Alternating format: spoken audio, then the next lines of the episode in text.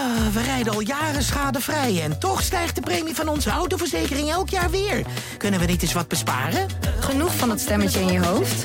Even Independeren. Daar word je altijd wijzer van. Vergelijk nu en bespaar. Welkom bij Independer. Ik lees de Volkskrant omdat kennis van zaken hebben mij geruststeld. En ik mij daardoor sterker in mijn schoenen voel staan. Eigenlijk zou iedereen de Volkskrant moeten lezen. Gun jezelf ook de Volkskrant. Ga meteen naar volkskrant.nl slash nu. En lees de krant tot wel acht weken voor maar 4 euro. Stopt vanzelf volgens de actievoorwaarden.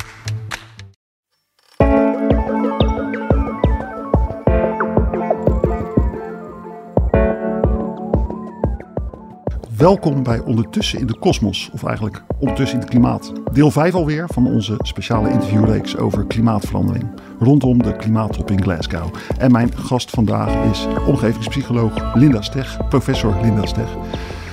In de vorige afleveringen zagen we dat het klimaat verandert. We zagen hoe het klimaat verandert en waarom het klimaat verandert. En dat we op het punt staan om ja, eeuwenlang de gevolgen daarvan over ons af te roepen. Alleen, waarom doen we er dan niks aan? Daarvoor ben ik vandaag afgereisd naar Groningen voor audiëntie bij hoogleraar omgevingspsychologie en Stevin premiewinnaar uh, Linda Steg. Linda, we weten onderhand allemaal wel dat het klimaat verandert, dat het ernstig is en dat we dus maar beter allemaal kunnen ophouden met vlees eten, autorijden, vliegen, lang douchen, nou, noem het allemaal op. Waarom doen we dat dan niet? Ja, nou, ja nou, de, reden is niet dat mensen niet geloven in klimaatverandering. Want heel, de overgrote meerderheid van de bevolking denkt en gelooft dat klimaatverandering uh, optreedt en dat het uh, te maken heeft met ons gedrag. Drie kwart uh, zegt bij SCP-onderzoek uh, Ja, nog veel, klimaat, veel hogere percentages zie je ook in de European Social Survey bijvoorbeeld. Ja. dus dat is het punt niet. Het is ook niet zo dat mensen het milieu niet belangrijk vinden. Heel veel mensen vinden het heel belangrijk om het milieu te beschermen. Maar maar ze handelen er niet altijd na. En dat, komt, ja, dat heeft verschillende redenen. En een van de redenen is dat het heel vaak onaantrekkelijker is. Eh, en dat als je iets duurzaams doet, dat je andere dingen die je ook belangrijk vindt, zal moeten laten. En in sommige gevallen is het zelfs uh, bijna onmogelijk. Dus als je een minimum inkomen hebt en je moet je huis verduurzamen. En je zou 20.000 euro moeten gaan investeren om van het gas af te komen. Ja, dat, dat is gewoon niet te doen. Dus dan moet je ook zorgen dat het aantrekkelijker en beter mogelijk gemaakt wordt. Ja. Maar ja, toch, hè, het grote spook van die klimaatverandering, die stijgende zeespiegel. Het vooruitzicht dat we Nederland over een paar eeuwen misschien wel uit moeten, omdat de zee dan te, te, te veel is gestegen. Op een of andere manier is, daar gaat er toch niet genoeg motivatie van uit voor mensen? Ja, maar ik denk dat de urgentie ook niet uh, hoog genoeg is. Of dat mensen ook niet, uh, niet eenduidig de urgentie voorgeschoteld krijgen. Hè? Ja. Anders dan in de corona, uh, bij de coronacrisis in het begin was de urgentie heel duidelijk. Werd ja. iedere keer, keer op keer in persconferenties ook heel erg benadrukt.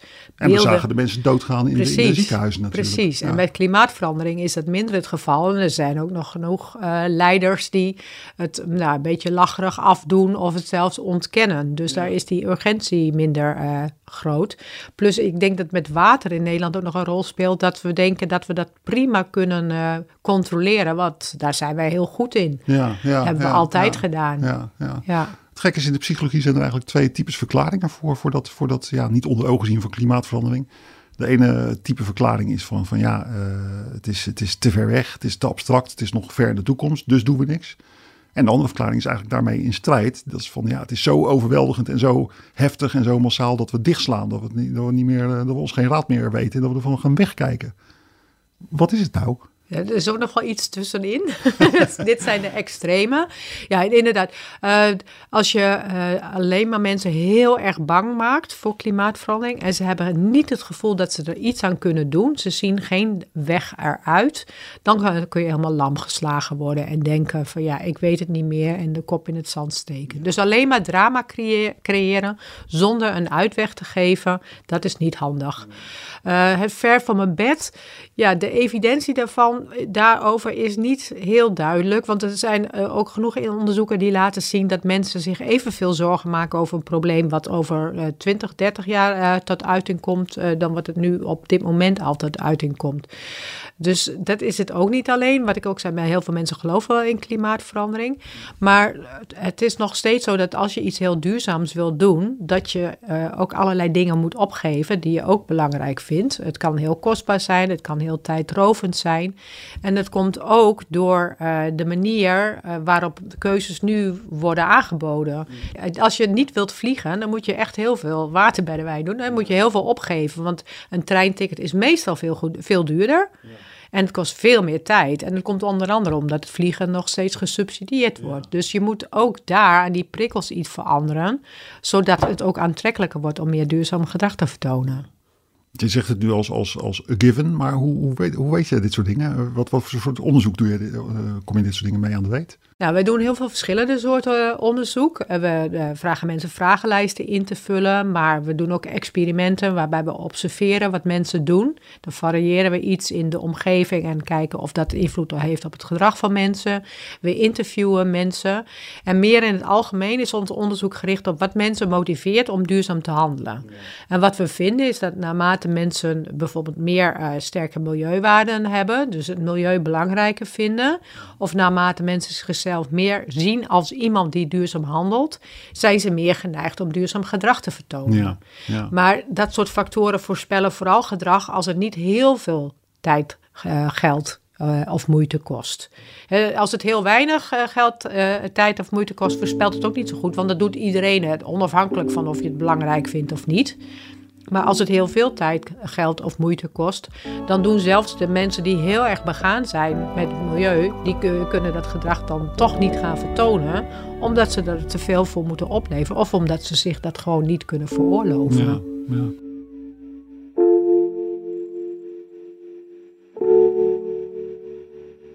Je, je, noemde al eventjes die milieuwaarden. Uh, dat is wel een van de centrale uh, theorieën waarmee jij werkt. Uh, je onderscheidt vier soorten ja. waardepatronen die ons drijven.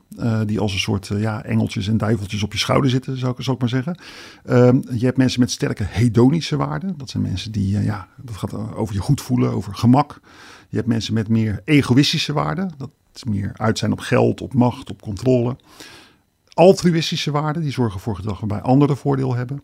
En wie meer milieuwaarde heeft, die heeft een sterke interne drive om natuur en milieu serieus te nemen.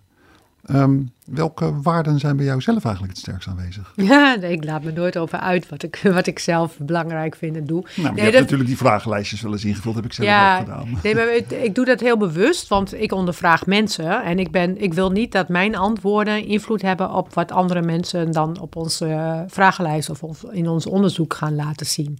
Want dan kan ik uh, bepaalde verwachtingen wekken. En dan denken ze, oh, zij verwacht waarschijnlijk dat ik dit doe, dus dat vul ik maar in.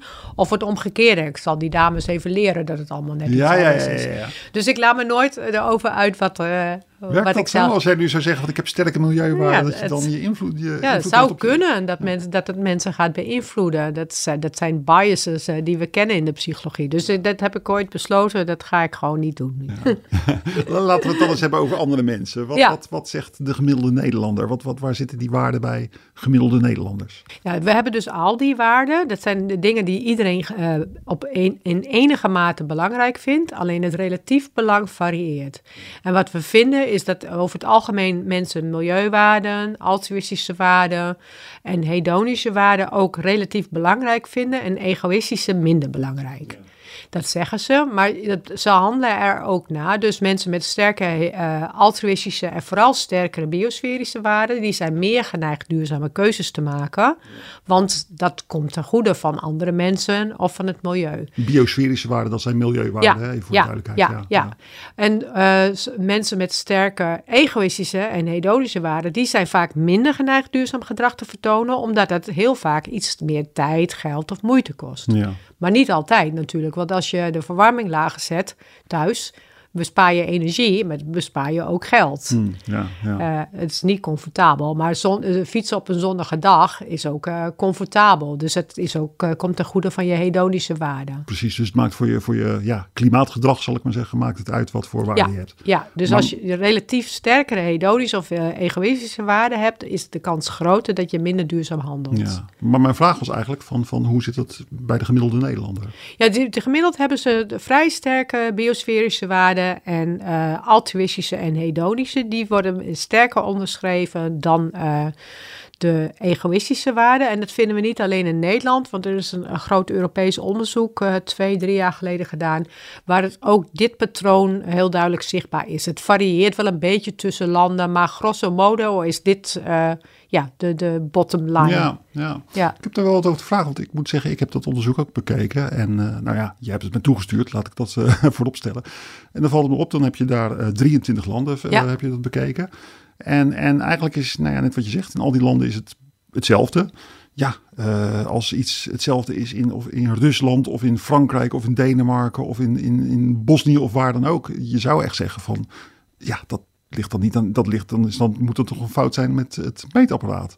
Oh ja, nee, maar je ziet wel dat er variatie is tussen landen. Hè? Ja. Dus het zijn niet precies hetzelfde. Maar het is wel uh, heel weinig. En zeker die, die milieuwaarden, die biosferische ja, waarden, die worden relatief ja. enorm hoog. Ja, ja. Betekent dat nou echt dat alle mensen in heel Europa, of je nou een Rus bent, of een, of een Deen, of een Zweed, of een Nederlander, dat iedereen het milieu fantastisch vindt. Nee, maar dit, wat je ziet in dat soort staatjes zijn de gemiddelde scores van mensen in een land. Maar binnen een land zitten daar wel weer variaties. Maar die zijn minder systematisch als dat je zou verwachten. Want ik krijg heel vaak de uh, vraag van, oh, het zijn zeker dan vooral de rijken die sterke biosferische waarden hebben. Of vooral de jongeren bijvoorbeeld. Ja. Maar sociaal-demografische kenmerken voorspellen het ook niet nee. uh, heel sterk. Maar dat wil niet zeggen dat iedereen het in dezelfde mate belangrijk vindt. Want er zit wel variatie tussen mensen. Dus binnen de Nederlanders zijn sommigen meer egoïstisch ge georiënteerd en anderen meer altruïstisch ja, georiënteerd. Ja. Om daar toch wel even een lullige vraag over te stellen. Uh, want, want uiteindelijk is dit, als je dan wat dieper kijkt, is dit gebaseerd op eigenlijk maar één vraag uit dat ja, Euro-survey-onderzoek. Ja, in dat en dat is dan is een vraag van, van, van uh, ja, vind je natuur belangrijk? Ja. Nou ja, dat is toch, dat vindt iedereen toch belangrijk. Hoe kan je nou natuur niet belangrijk vinden? Dat lijkt me een vraag waar iedereen toch wel snel ja op zegt. Maar dat, als je dan het debat soms voelt, hoort, dan lijkt het wel alsof mensen het niet belangrijk vinden. Hè? Ja. Nee, maar de, de maar, European... Maar hoe voorkom je die, die bias, zoals dat ja, een moeilijk woord ja, in de European Social Survey, dat is echt een, een, een heel uh, ja, beperkte vragenlijst met één item voor elk type waarde. Dat is inderdaad niet ideaal. Maar de vragenlijst die we zelf hebben, dat is echt een schaal. En die zijn meer betrouwbaar. Dus er zitten drie tot vier uh, items in. En dan vind je ook vergelijkbare beelden. Ja, ja maar dit, item tussen haakjes voor de mensen thuis, dat is, dat is inderdaad een vragenlijst onderdeel. Ja, hè? ja, ja precies, één stelling waar je dan mee eens bent of niet mee eens bent. En dat kan zijn, ik vind de natuur belangrijk. Ik vind het belangrijk om milieuvervuiling te voorkomen. Maar ik denk dat het een, inter- een belangrijke constatering is. Hoe kun je nou tegen natuur zijn? Wie is tegen natuur? Ik denk ook dat als je een klimaatskepticus gaat uh, vragen, nou die wil je nog interviewen, begreep ik. Vraag Mhm. maar eens, vind je natuur niet belangrijk? Waarschijnlijk vindt die de natuur ook belangrijk. Dus, en dat blijkt ook wel uit onderzoek naar klimaatskeptici, dat, uh, dat het niet zozeer is dat ze natuur of milieu niet belangrijk vinden. Het gaat, er- de bron is veel meer dat ze het niet eens zijn met het type oplossingen wat wordt voorgesteld. Ja, Dus ze zijn tegen eh, ingrijpend overheidsingrijpen. ja. Dus kun je maar beter zeggen dat het probleem niet bestaat, want dan wordt het beleid ook niet ingevoerd. Maar als je het net iets anders framet, eh, waardoor het een, een, een link wordt gelegd met dingen die ze wel belangrijk vinden, dan eh, vinden ze het allerlei, allemaal prima en Ja. dan onderschrijven ze het wel. Dus Dat er zitten ook politieke aspecten spelen een rol. Dat is een heel interessant punt, want dat heeft misschien toch ook weer met onderliggende waarden te maken. Dit zijn wel mensen Ja. met een hele sterke eh waardebesef van, van ja, een kleine overheid. En mensen Ja. moeten voor zichzelf opkomen. En wij moeten ons niet bekommeren om de toekomstige generaties. Want we moeten voor onszelf zorgen. En dat doen die toekomstige generaties ook. Ja, dit- het is eh, voor- vooral politieke ideologie. En het belangrijkste eh, punt wat daarbij een rol speelt, is tegen overheidsingrijpen zijn. Tegen een grote overheid. Dus klimaatskeptici zie je ook vooral in uh, Amerika, uh, Australië, uh, Anglo-Saxische landen eigenlijk. Daar zijn die percentages hoger. Nog steeds heel laag hoor, maar daar zijn ze hoger dan in heel veel andere landen. En het is, ja, het is, het is Oreskes heeft daar onderzoek naar gedaan, wat er daar de oorzaak van is. En er zit gewoon een hele stevige lobby aan, die vooral twijfel zaait. Dus ze zeggen niet het bestaat niet, maar we weten het nog niet helemaal zeker. Dus kunnen we beter niks doen, want het heeft geen zin om nu allemaal beperkende maatregelen te treffen, terwijl we niet eens zeker weten of er wel iets is.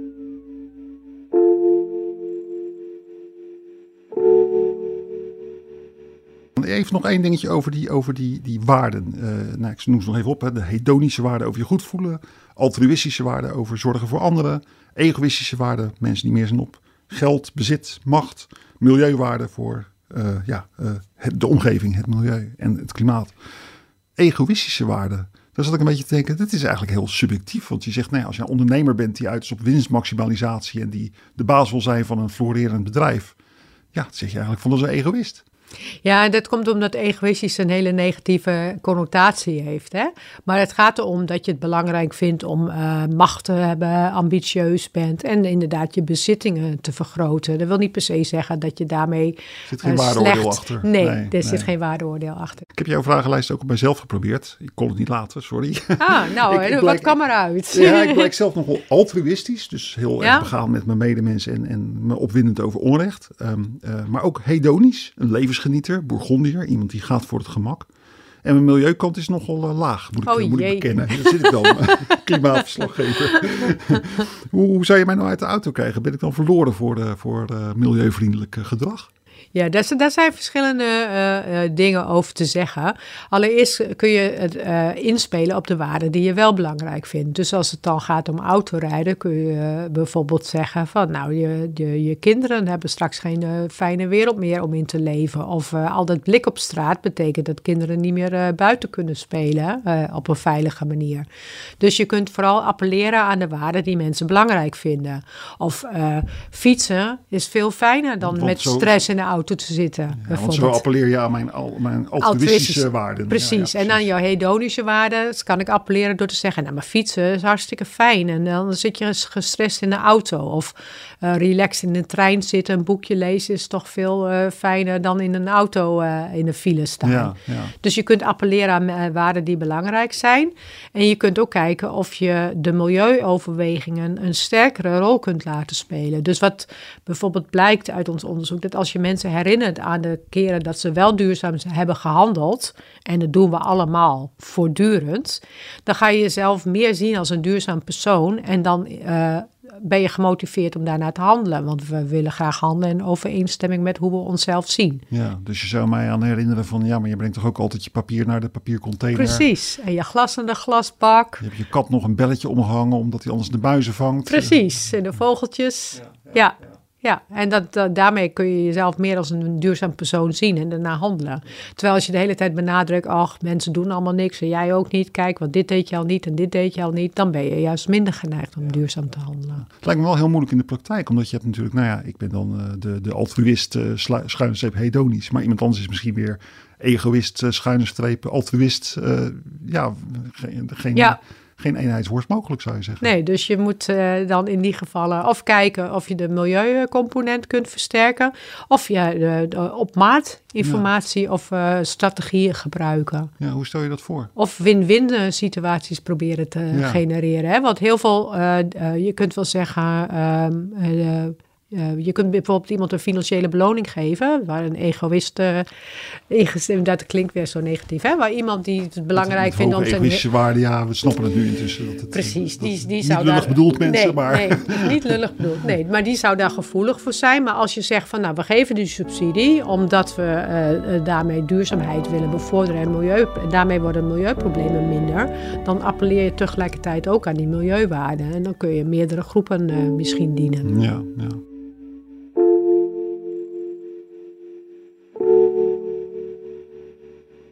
Linda, ik wilde nog wat nader ingaan op die, dat, dat ja, spelen met die waarden om, om mensen milieuvriendelijker uh, te maken. Want daar draait het eigenlijk allemaal om in jouw onderzoeken.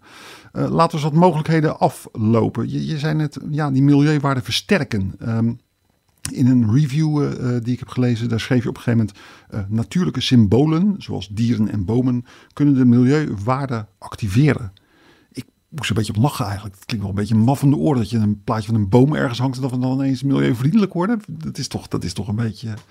Nou, het is meer dat je mensen, uh, uh, of dat je die waarden weer saillant maakt, dat ze mensen zich er weer bewust van worden en de rol die ze kunnen spelen in die keuzesituatie. Een voorbeeld waaruit blijkt dat, hoe dat kan werken, is het heeft een van onze promovendi gedaan. Die liet mensen, die, die bood ze een drankje aan in uh, nou, dit soort uh, bekertjes wat je hier voor je hebt staan. En eentje had zo'n nou, zo'n soort ontwerp met uh, allemaal formules op. dus ja, niet iets wat je met duurzaamheid associeert. En de ander, ja, ze staan hier. Trouwens, kijk maar, dan kan ik kijken, de luisteraar niet zien. maar, dit is eentje met een milieu... We gaan het uitleggen aan de luisteraar. We ja, zien er eentje met, met een ja, boomstammetje erop, hè, geloof ik. Ja, en groene letters. Ja, het zijn gewoon kartonnen bekertjes. Ja, recyclebaar zijn ze. Ja. En, 100% uh, recyclable staat erop. Ja, en, het andere bekertje, dat, daar zie ik een heel streng bekertje met het rode logo van de uh, Rijksuniversiteit Groningen erop en allemaal uh, ja, formules. Ja, nou, en mensen die kregen een drankje uh, omdat ze zogenaamd moesten wachten, omdat het onderzoekssetup nog niet klaar was. was een computerstoring, dus ze moesten even wachten, kregen een bekertje met een drankje. En daarna hebben we gekeken wat ze met het bekertje deden, want we hebben ook gezegd, je mag pas naar binnen als het bekertje, uh, of nee, sorry, uh, u mag het bekertje niet mee naar binnen nemen. Werd heel duidelijk, want dat, uh, dat kan niet met deze apparatuur. En gewoon gekeken wat ze met het bekertje doen. En dan gaan ze deze, die wordt gewoon vaker gerecycled. Een bekertje met het hout erop. Ja, en het is niet dat mensen zich er bewust van zijn. dat ze heel erg denken van, oh ja, de duurzaamheid is heel belangrijk. Maar het maakt het gewoon net dat ze er meer naar gaan denken. En en meer naar gaan handelen. En het leidt vooral tot meer duurzaam gedrag met mensen die niet heel sterke milieuwaarden hebben. Want mensen met sterke milieuwaarden doen het sowieso, recyclen. Maar je herinnert mensen even aan het belang van dit soort dingen uh, als het niet uh, hoog op hun prioriteitenlijstje ja. staat. En het werkt twee kanten op, want ik begrijp dat jullie ook eens een keertje, dat was jij zelf niet, maar een heel beroemd experiment in Groningen met fietsen in een steegje. Ja. Ja, was ook een van, de, een van onze promovendi, Kees Keizer. Ja, dit uh, laat, laat ook zien dat uh, de omgeving stuurt je gedrag omdat hij iets, ja, een signaal uitzendt over wat nou het juiste is in deze omgeving. En in dit geval zonder fietsen in een steegje. En hij uh, heeft daar flyers aan gehangen. En, niet een keeper. Het was gewoon een super saaie flyer. Iets van sportzaak Dekker, geloof ik. Wenst u prettige feestdagen. En gekeken wat mensen doen met die flyer. En in de ene situatie was die steeg helemaal schoon. In de andere situatie was allemaal graffiti op de muur gespoten. Geen kunst, echt van die tags en zo. Dat uh, kun je niet kunst Lelijke graffiti. Ja. En gekeken wat mensen met die flyer doen. En dan blijkt dat mensen het veel vaker uh, op de grond gooien, weggooien dus niet het juiste doen als uh, graffiti op de muur staat. Dus die graffiti laat je zien, oh ja, dat is, heel veel mensen geven hier niet om om het juiste te doen. En hoef ik het ook niet te doen. Dus ga je ook ander ongewenst gedrag vertonen. Terwijl in een schone omgeving gaan veel meer mensen nemen de flyer mee naar huis en gooien hem niet op straat. Ja, ja, ja. Een ander punt is verlagen van de drempel om uh, milieuvriendelijk gedrag te. Hoe stel je dat voor? Hoe verlaag je drempels? Zorgen dat het gewoon de kosten uh, lager worden of dat het relatief eenvoudiger wordt gemaakt. Dus het feit dat wij overal glasbakken hebben neergezet of uh, textiel makkelijk kunnen recyclen, oud papier makkelijk kunnen recyclen, dan faciliteer je het gewenste gedrag. Je maakt het makkelijk voor mensen. Ja. Ja, ja. en het is nog steeds dat mensen er enige moeite voor moeten doen. Hè? Het is nog steeds makkelijker om het gewoon in je uh, grote vuilniszak te gooien. Ja. En heel veel mensen doen dat dan omdat je ja, zorgt dat het beter mogelijk wordt gemaakt. Ja, ja. Kun, je, mij een voorbeeld geven van, van iets? Hoe zouden wij de drempels nog meer kunnen verlagen? Wat, wat zou, heb je daar een tips voor? Nou, als je bijvoorbeeld naar het open, of, ja, openbaar vervoer, naar vervoer uh, gaat kijken, zou je kunnen zorgen dat er weer goede, snelle treinverbindingen komen Uh, waardoor mensen minder hoeven te vliegen. En als die dan ook nog eens betaalbaar zijn, of dat je weer eens een normaal prijs voor een vliegticket gaat betalen, dan maak je dat vliegen onaantrekkelijker en maak je het reizen per trein aantrekkelijker. Uh, wat, wat, in Groningen recent ook allemaal is gedaan. De fietsinfrastructuur is al heel goed in Nederland. Maar er zijn in meer steden trouwens hebben dus fietssnelwegen aangelegd. Zodat je heel snel van A naar B kunt. Dan gaan meer, veel meer mensen op de fiets naar hun werk. Ja, ja. Dus ja, zorgen dat het aantrekkelijker beter mogelijk wordt gemaakt. Dat er beter, meer aanbod is.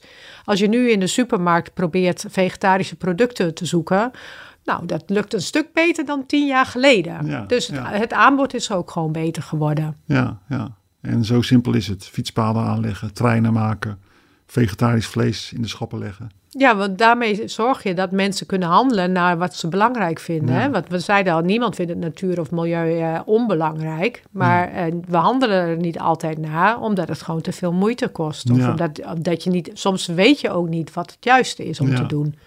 Dus met recyclen heel vaak, met heel veel materialen, weet je niet precies wat je ermee moet doen. Dus je moet mensen ook helpen om de goede keuzes te kunnen maken. Ja, ja.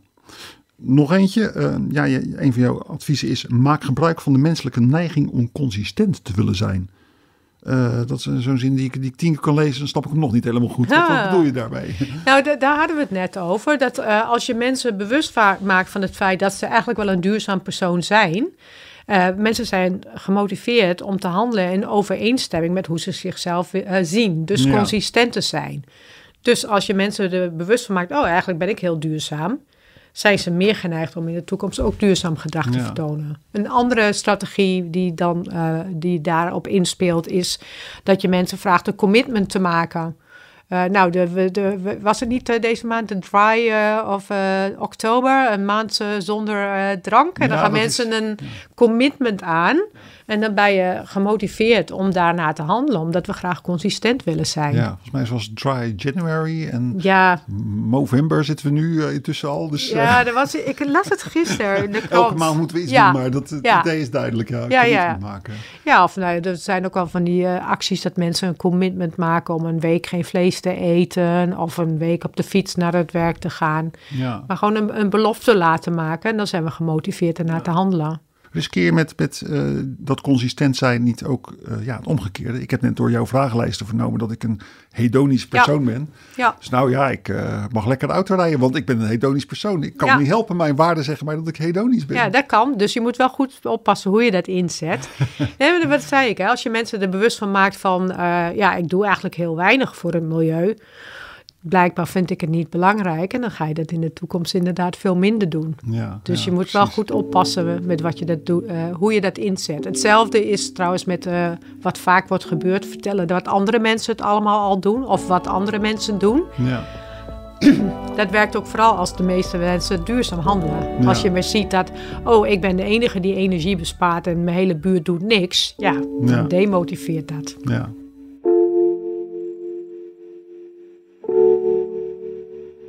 Linda, ehm, ik vraag me af, als je dit allemaal optelt, het zijn allemaal van die kleine dingetjes. Een keertje de fiets, een keertje de trap, een keertje geen vlees eten, een keertje dit, een keertje dat, naar de glasbak lopen. Is dit wel genoeg? Nou, als je, het hangt er vanaf wat voor oplossingen we willen als samenleving. Uh, er zijn studies gedaan uh, om te kijken of we met, alleen met gedragsverandering uh, klimaatverandering tot anderhalf of twee graden kunnen beperken. Dat kan. Maar als je dan leest wat je allemaal moet doen, dan is het inderdaad, moeten mensen al die dingen doen en nog 20.000 dingen. Nou, 20.000 is overdreven, maar nog veel meer. En we zullen kleiner moeten gaan wonen en onze woningen heel goed isoleren. Minder gemotoriseerd verkeer, minder vlees. Niet meer op vliegvakantie. Precies, dat zou je allemaal. Ja, dus er moet heel veel gebeuren. Nou, een andere alternatief is dat we zeggen: Nou, uh, dat heb ik in ieder geval over. Uh, dan leven we maar in een wereld uh, waar de temperatuur met 5 graden omhoog gaat. Nou, dat zou ook niemand willen. Zij ze met een glimlach. Ja, ja dat, dat, maar je kunt, er zijn ook andere oplossingsrichtingen. Dat je meer inzet op duurzame technologie. Of dat je ehm, CO2 gaat opslaan, bijvoorbeeld in de ondergrond. Ja. En daarom is het ook belangrijk dat je mensen bewust maakt van de keuzes die er zijn en dan een afweging laat uh, maken. Want wat, ja, wat, waar we mee beginnen, begonnen, je kunt niet uh, tegen alles zijn. Nee, het moet en-en zijn. Ja. ja, ja. Wat zou jouw aanbeveling zijn voor het land? Nou, ten eerste denk ik dat het heel belangrijk is dat we heel duidelijke uh, doelen stellen met een visie daarachter en daar dan heel systematisch naartoe werken.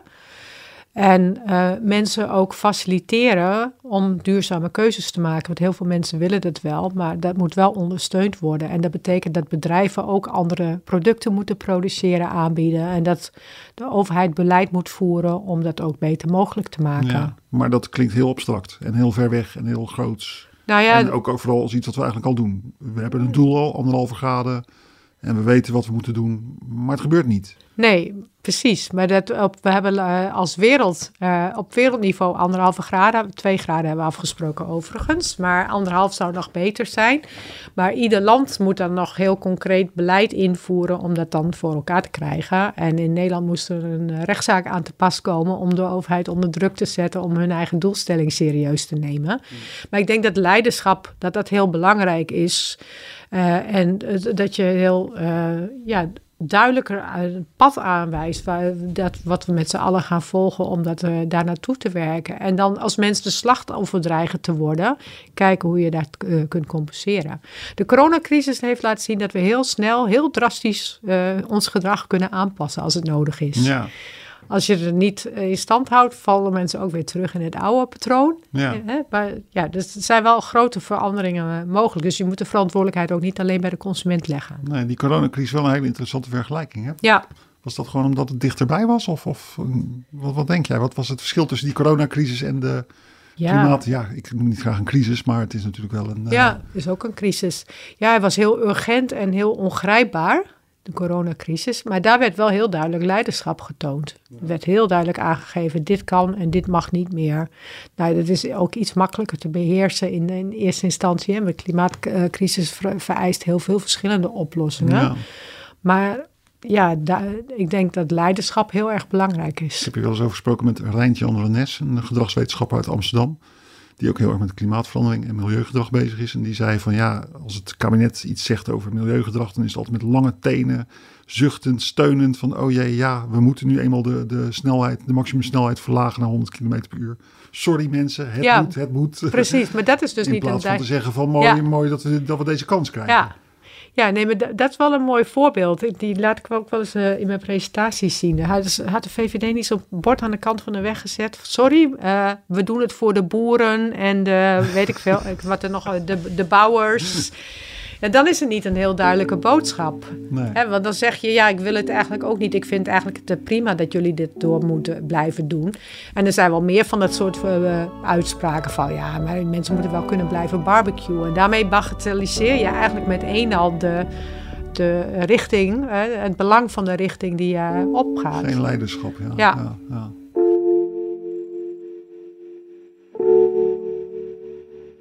Gaat het goed of gaat het slecht met de klimaattransitie? Nou, er gebeurt nog steeds te weinig. En dat zal ook de grote discussie uh, worden in Glasgow. Wat gaan we doen om, de, om het te versnellen? Want uit het laatste IPCC-rapport, wat dit najaar is uitgekomen, blijkt dat we gewoon nog steeds niet on track zijn. En Nee. dat, er, dat we wel voor 2030, 50 grote veranderingen moeten Ja, doorvoeren. ja, eigenlijk zegt het rapport van nou, anderhalve graden, dat kun je vergeten. En met de huidige voorgenomen plannen en dan nog een schepje erbovenop, dan zitten we op koers voor 2,3 graden. Dat is een beetje de strekking van het verhaal op het moment. Ja, hè? en als we dat niet willen, moeten we eh, harder aan de bak. ja, ja. ja. ja. Ja. Linda Steg, heel erg bedankt voor dit eh, gesprek. U luisterde naar Nee, Ondertussen in het Klimaat, onze serie klimaatpodcasts rondom de klimaatconferentie in Glasgow. Onderdeel trouwens van Ondertussen in de Kosmos, de wetenschapspodcast van de Volkskrant.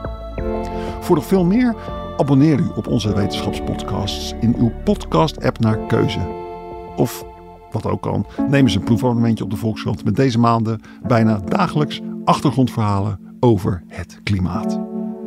Voor nu, de techniek was in handen van Flora Den Bieman en Misha van der Hoef. Onze eindredacteur is Corinne van Duin en mijn naam is Maarten. Ik lees de Volkskrant omdat ik altijd alle kanten van een verhaal wil weten. En ik nieuwsgierig ben naar de mening van anderen. Eigenlijk zou iedereen de Volkskrant moeten lezen. Gun jezelf ook de Volkskrant. Ga meteen naar volkskrant.nl slash nu. En lees de krant tot wel acht weken voor maar 4 euro. Stopt vanzelf, volgens de actievoorwaarden. Ehm, past onze autoverzekering straks nog wel bij de nieuwe auto die we gaan kopen? Of kunnen we met overstappen flink besparen? Genoeg van het stemmetje in je hoofd? Even Independeren. Daar word je altijd wijzer van. Vergelijk nu en bespaar. Welkom bij Independer.